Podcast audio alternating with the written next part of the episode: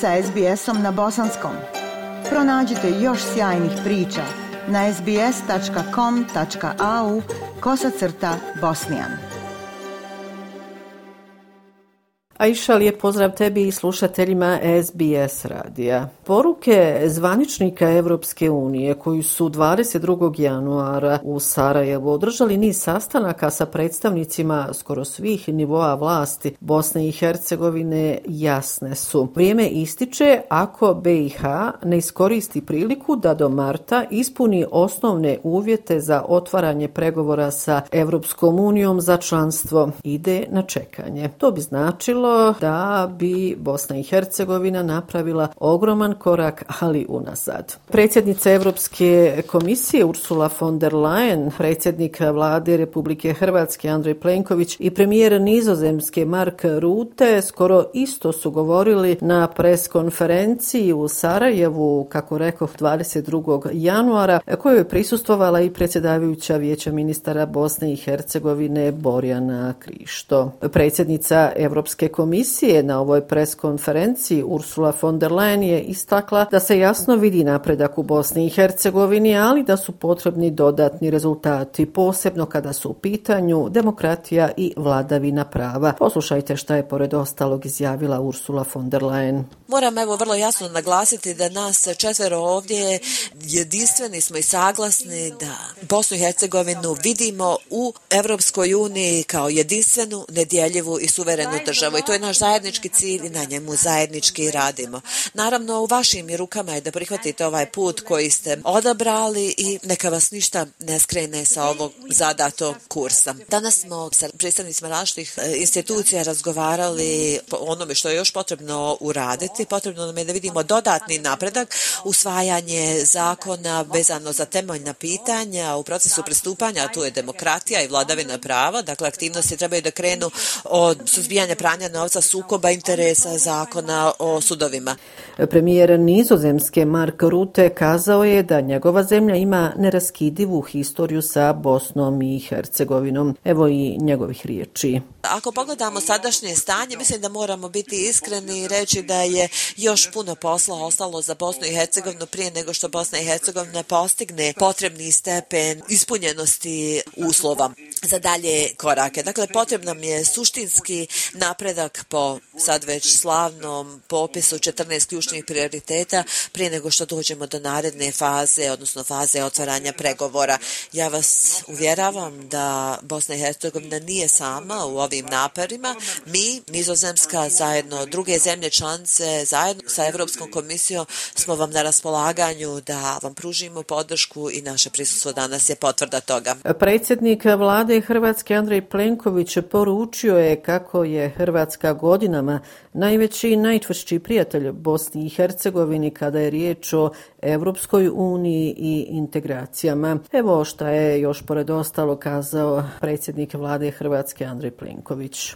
I upravo je stoga sada trenutak, ovaj strateški posjet i prozor politički koji se otvorio, da se naprave iskoraci i u pogledu zakona o sudovima, i u pogledu zakona o visokom sudskom i tužiteljskom vijeću, i u pogledu zakona o sprječavanju pranja novca, te niza drugih poteza koji će omogućiti i komisiji, a i državama članicama da donesu tu ključnu odluku. Predsjedavajuća vijeća ministara Bosne i Hercegovine Borjana Krišto na ovoj pomenutoj preskonferenciji osvrnula se na aktivnosti vijeća ministara u protekloj godini te naglasila da su od posebnog značaja izmjene izbornog zakona na kojima se aktivno radi. Evo i riječi predsjedavajuće vijeća ministara Bosne i Hercegovine Borjane Krišto. Intenzivno u ovom trenutku želim naglasiti da radimo na promjenama izbornog zakonodavstva Bosne i Hercegovine koji se radi i kroz radne grupe i na razini političkih e, lidera usuglašavamo stavove. Istaknula bi zapravo odlučnost i predanost političkih e, lidera u Bosni i Hercegovini na rješavanju svih ovih pitanja kad je u pitanju posebno izborno zakonodavstvo kroz institucije odnosno domaća rješenja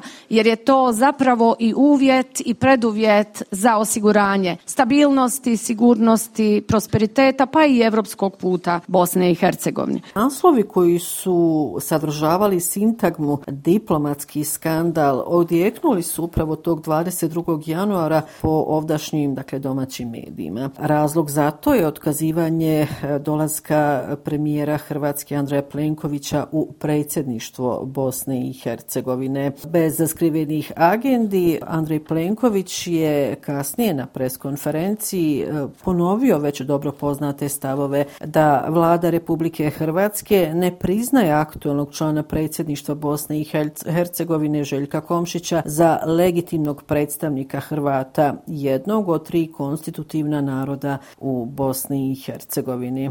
Andrej Plenković je na preskonferenciji poručio i da njegov čin nije nepoštivanje institucija Bosne i Hercegovine, ali da on vodi principijelnu politiku. Ovo je bio i e, glavni događaj tokom protekle sedmice, a evo u nastavku kratko i o ostalim aktualnostima. Sud Bosne i Hercegovine objavio je 27. januara zvanično saopćenje u predmetu Fadil Novalić i drugi. Naime, u saopćenju se navodi da je dan ranije vijeće apelacionog suda odpremilo drugostepenu presudu u kojem je u cijelosti potvrđena prvostepena presuda od 5. aprila 2000 2023. godine. A prvostepenom presudom optuženi Fadil Novalić, Fahrudin Solak, Fikret Hođić i pravno lice FH Srebrena Malina proglašeni su krivim da su počinili krivično dijelo zloupotreba položaja ili ovlaštenja. Također ostaje dakle na snazi e, prvostepena presuda po kojoj je sud izrekao kazne zatvora i to Fadilu Novaliću od 4 godine, Fahrudinu Solaku 6, Fikretu Hođiću 5 godina, a optuženom pravno lice FH Srebrena Malina također je izrečena novčana kazna od 200.000 konvertibilnih maraka. Protiv ove drugostepene presude, odnosno presude vijeća apelacionog odjeljenja, žalba nije dozvoljena. Dakle, po svemu sudeći, optuženi Novalić, Solak i Hođić će uskoro uskoro ići u zatvor u Vojkoviće. 27. januar se obilježava svuda u svijetu kao Međunarodni dan sjećanja na žrtve holokausta. I Memorialni centar Srebrenica pridružio se obilježavanju ovog dana. U Srebrenici je naime upravo 27. januara potpisana muslimansko-jevrijska inicijativa sa ciljem promicanja međusobnog povjerenja, razumijevanja i dijaloga između dakle muslimana i jevreja. Inicijativu su potpisali Reisul ulema Islamske zajednice u Bosni i Hercegovini Husein Kavazović i predsjednik Svjetske federacije udruženja Bergen Belsen Rosensaft. Bošnjaci i bosanski jevreji su jedno tijelo, oba naša naroda su propatili i znaju šta su pokušaji da ih se istrebi, kazao je pored ostalog ovom prilikom reis ulema Islamske zajednice u Bosni i Hercegovini Husein Kavazović. Dom naroda Parlamenta Federacije Bosne i Hercegovine 25. januara na svojoj sjednici usvojio je budžet Federacije Bosne i Hercegovine za ovu, znači 2024. godinu. Za je glasalo 45 delegata, pet je bilo protiv, a osam suzdržanih dan prije je eh, zasjedao i predstavnički dom eh, koji je također usvojio prijedlog zakona o budžetu federacije u iznosu od 7 milijardi i 400 miliona konvertibilnih maraka, a nakon što je vlada federacije usvojila i uputila nacrt budžeta u parlamentarnu proceduru. Inače, ovo je najveći federalni budžet do sada.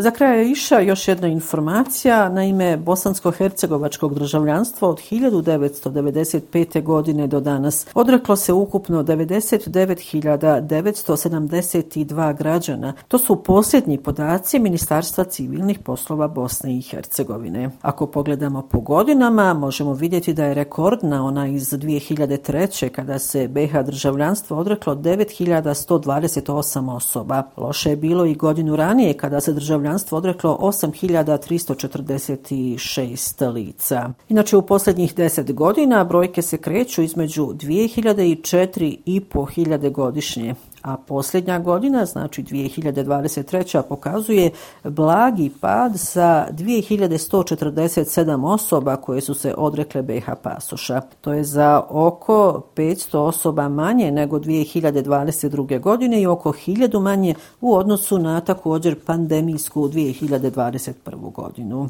Inače, iz Ministarstva civilnih poslova Bosne i Hercegovine kažu da u postupku odricanja od BH državljanstva stranke nisu dužne da kažu druge razloge osim činjenice da već posjeduju ili da im je zagarantovano sticanje državljanstva druge države. U neformalnim razgovorima najčešće navode kao stvarni razlog povoljniji radnopravni status, pravo na posjedovanje nekretnina, olakšano putovanje, olakšano studiranje u inostranstvu i tako dalje. To stoji između ostalog u saopćenju iz Ministarstva civilnih poslova Bosne i Hercegovine. Eto, iša ovom informacijom završavam ovo sedmično javljanje iz glavnog grada Bosne i Hercegovine. Još jednom lijep pozdrav tebi i slušateljima SBS radija. I Sarajeva vas pozdravlja Semra Duranović-Koso. Like, share, comment. Pratite SBS Bosnian na Facebooku.